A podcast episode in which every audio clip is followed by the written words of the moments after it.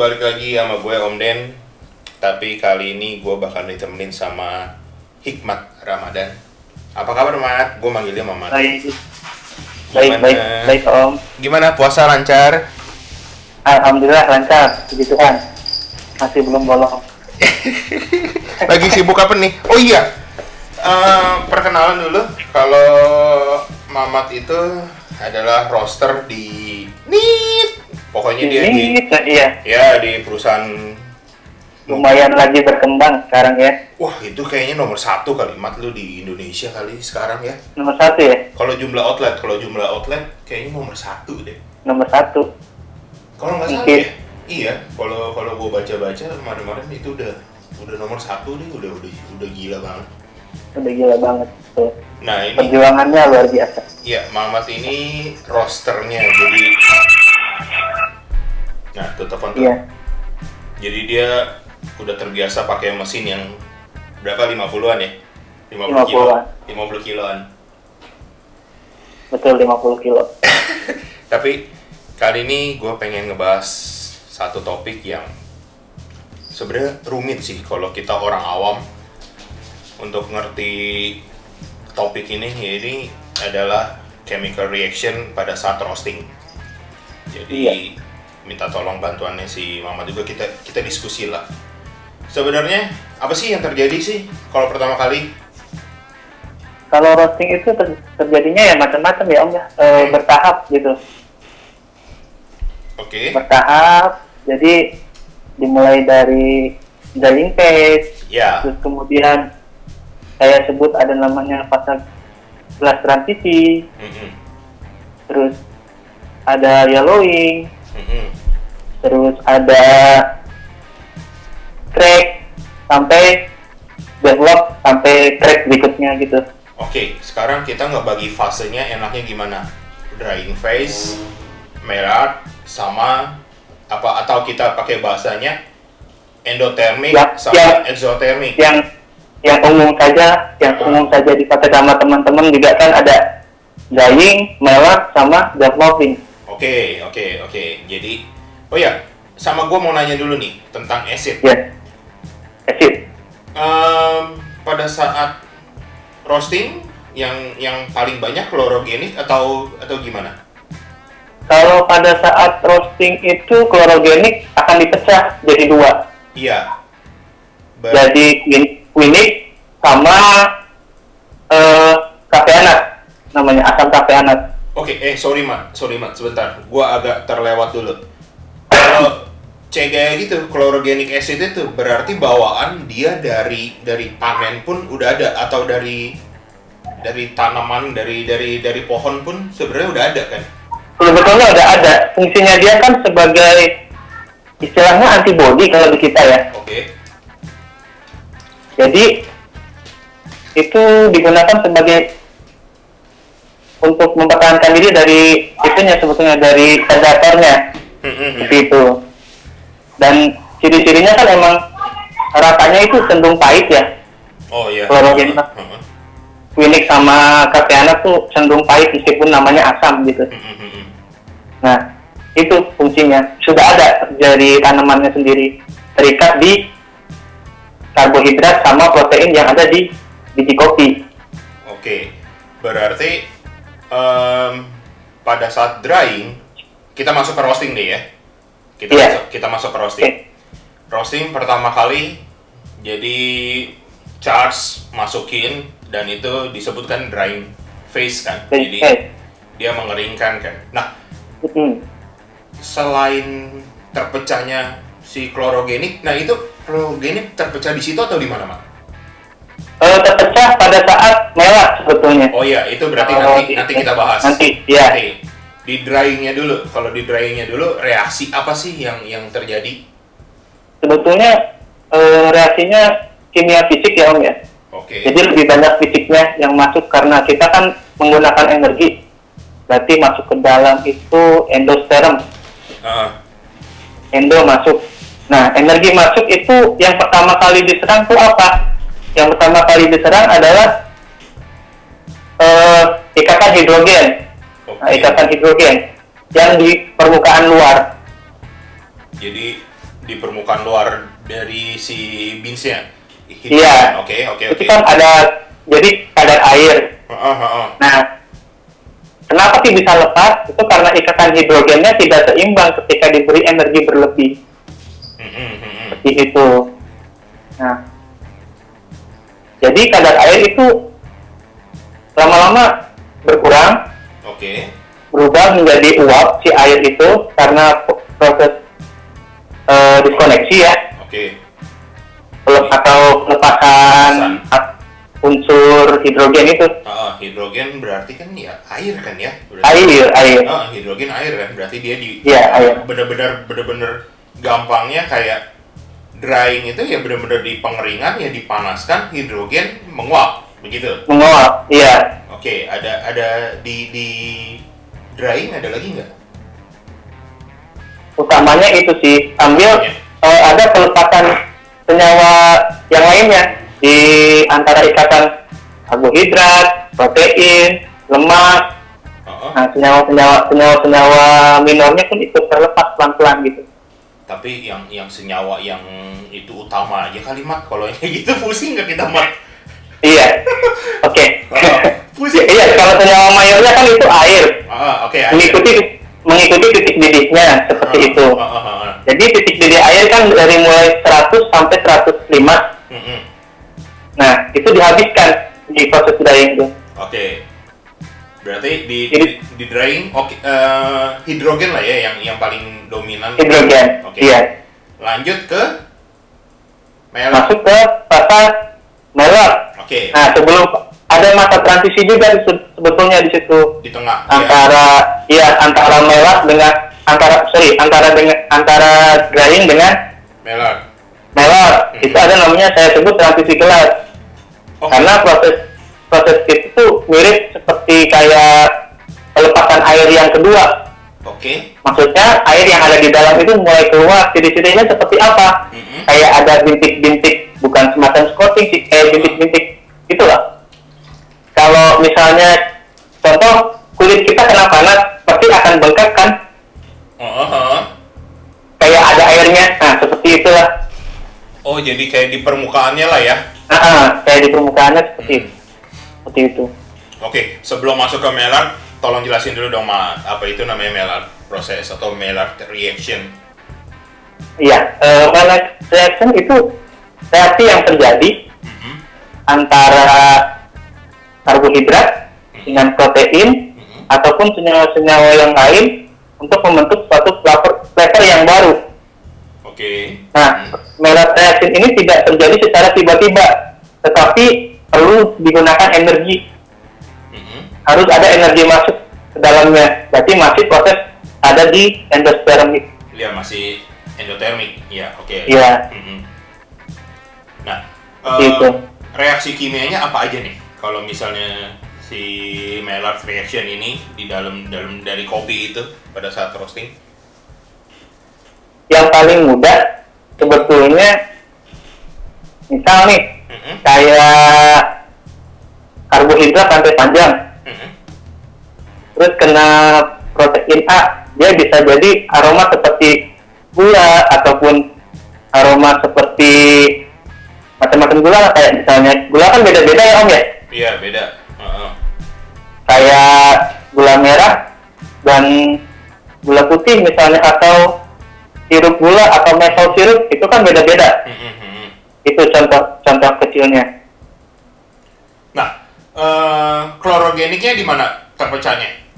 Klorogenik terpecah akan mendekati dari Maillard menuju ke crack nih Oh. Karena- energinya diperlukan lebih tinggi gitu Mm-mm. Berarti terpecahnya di sana ya? Berarti di, Iya, di- di- mau masuk exo. mau ke ujung. Nah, di di Maillard reaction ini ada mau ditambahin nggak? kira-kira itu sih om kalau asam itu kan juga pasti mulai bereaksi sebetulnya Nah, iya, Mat, asam, nah, nah. Gimana nih? Asam asam yang terbentuk di Maillard reaction ini apa nih? semakin besar suhunya Mm-mm. semakin besar energinya Mm-mm. asam yang terbentuk akan semakin ini om semakin pendek rantainya. Oke, Gi- eh, gimana ceritanya tuh? Karena eh, misalnya dari polifenol nih, banyak fenol, Oke. itu kan juga ketika diberi energi besar kan rusak, Heeh. rusak menjadi fenol seperti itu. Oh, maksudnya ter apa? Eh, rantainya mengecil, memendek. Oh, jadi itu pecahannya jadi jadi itu. uh, jadi iya misalnya itu tapi masih banyak lagi senyawa yang lain misalnya dari asam sitrat bisa jadi asam karboksilat karena energinya berlebih atau waktu energi waktunya lebih lama energinya juga besar itu juga berpengaruh Oke, kalau organic acid yang kita tahu, yang yang jamak eh, di kopi itu organic acidnya eh, malic, eh, lactic, asetik, fosforik. Nah itu bagaimana terbentuknya tuh? itu terbentuknya macam-macam Om. mulai dari kita sih ke pasca panen Mhm. memang yang paling besar memang pasca panen tapi Oh, dari awal. di roasting juga di roasting juga ada gitu Oke, heeh, dari mulai ra- rantai terpanjang heeh. seperti citrik sampai rantai terendah. Eh, asetik. Gitu Om. Hmm, aturannya putus berapa nanti misal jadi melik putus berapa misal jadi tartarik putus berapa jadi asetik. Oh iya. yang paling rendah itu asetik. Ada lagi yang paling rendah lagi yang asam semut asam formik. Hmm, oke, iya iya, gue pernah denger itu. Jadi em, itu sebenarnya ada urutannya nggak sih, Mat? Kayak kayak lu misalnya dari drying asam apa dulu yang paling dominan misalnya. Terus sampai kalau dilihat Mhm. dari sifat fisiknya Mhm.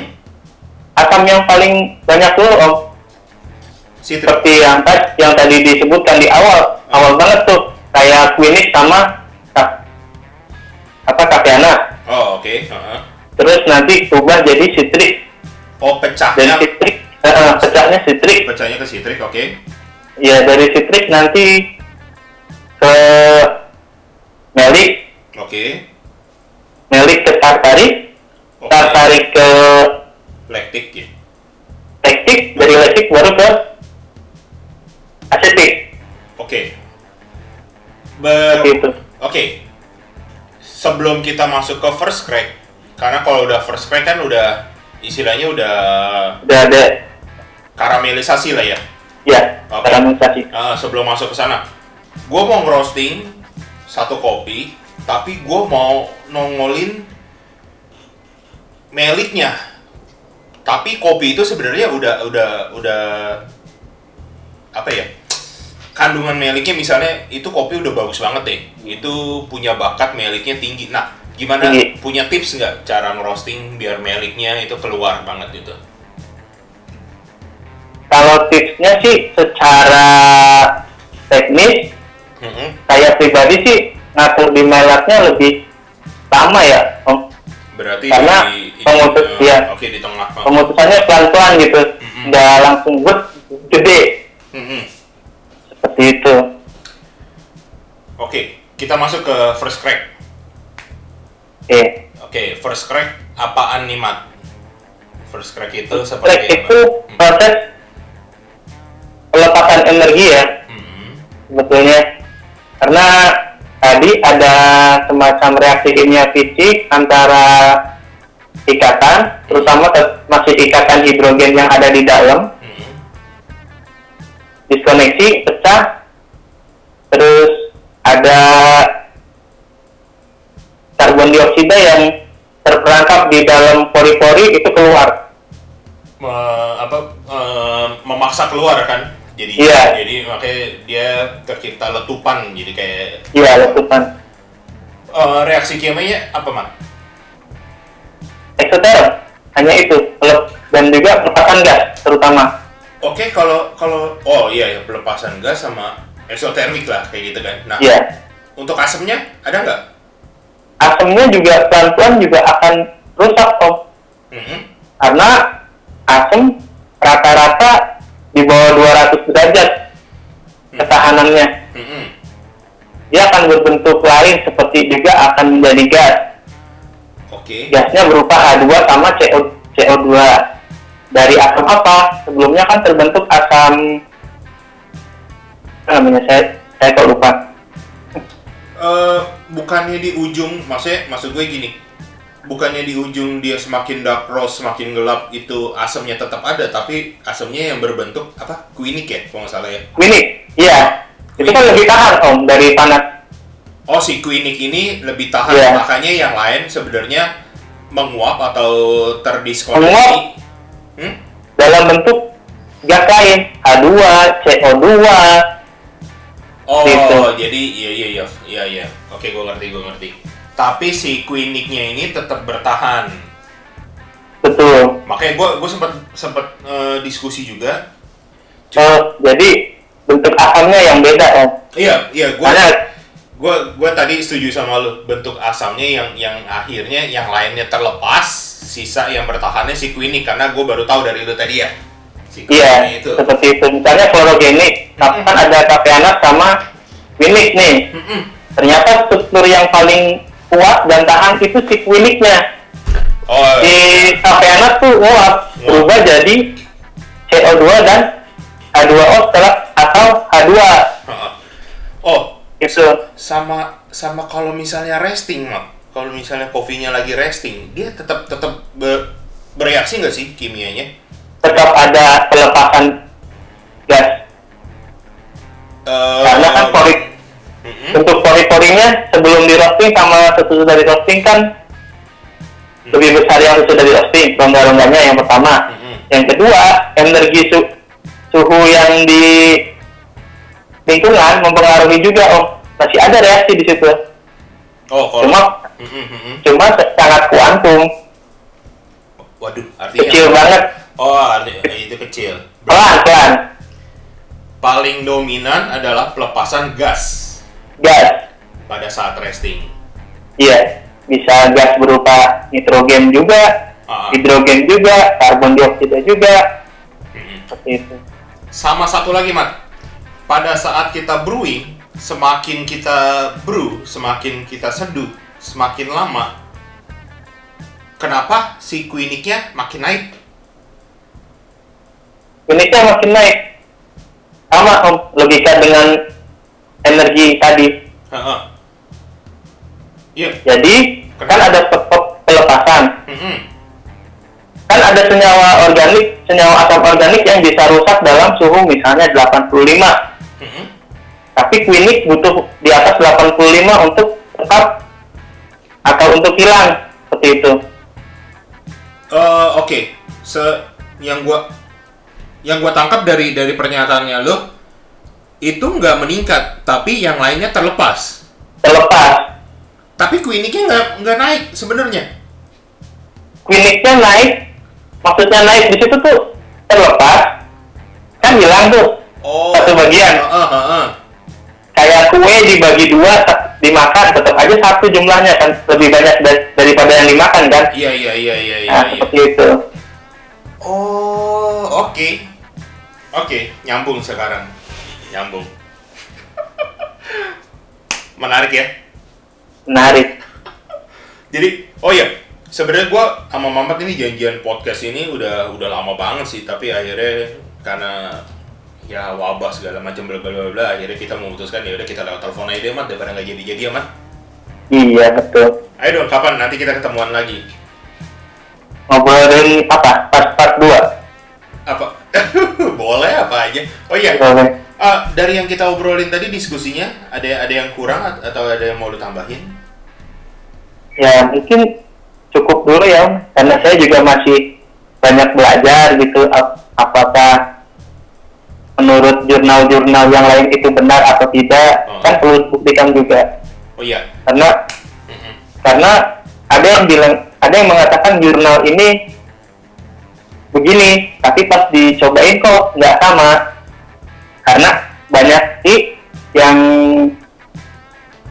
kurang dari kurang analisa dari kita seperti suhu yang di suhu di luar negeri sama nggak suhu di sini ambience sama nggak sama di sini seperti itu om Eh ngomong-ngomong lu lagi riset apa nih sekarang yang paling baru? Sekar- sekarang yang paling baru pertama riset melak masih berlanjut. Mhm. Kopinya dari Jawa Barat. Mhm.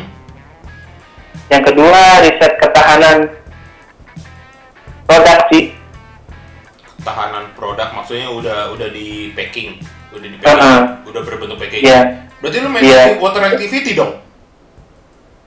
Sedikit-sedikit belajar. Enggak, maksudnya di ketahanan produk itu berarti nyangkut juga dong itu. Iya, Menarik. Nanti kita bahas ya topik berikutnya ya. boleh boleh. Mhm.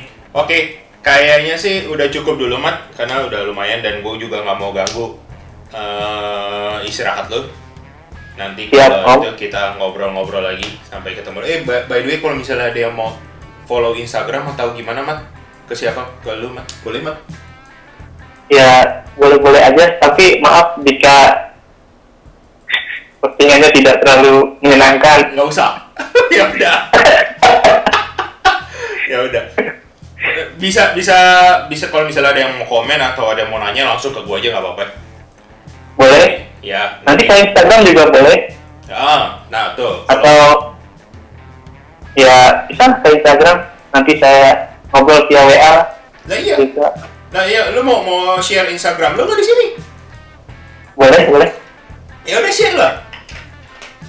Oke. Ke mana? Instagram Instagram saya @badutkopi. Bukan @badutkopi specialty ya, karena ada semacam bot yang ngikutin. Jadi at badut kopi kalau kagak bisa dilihat di friendnya gue aja kalau nggak. Jadi kalau ada yang mau follow Mamat silahkan langsung. Tuh. Oke ya, kayaknya itu dulu Oke. ya Mat. Thank you ya. Oke. Sampai ketemu lagi Oke. ya. Sampai ketemu. Thank you Mat. Thank you. Jadi sekian obrolan gue sama Mamat. Jadi dia seorang roster yang di perusahaan yang sekarang udah udah menjamur ba- banyak banget gitu outletnya. Jadi dia udah terbiasa dengan mesin-mesin roasting. By the way, kalau misalnya ada mau nanya apa-apa, bisa langsung ke gue ke dance underscore hermawan di Instagram. Kayaknya itu dulu. Thank you. Sampai ketemu lagi. Bye. Ciao.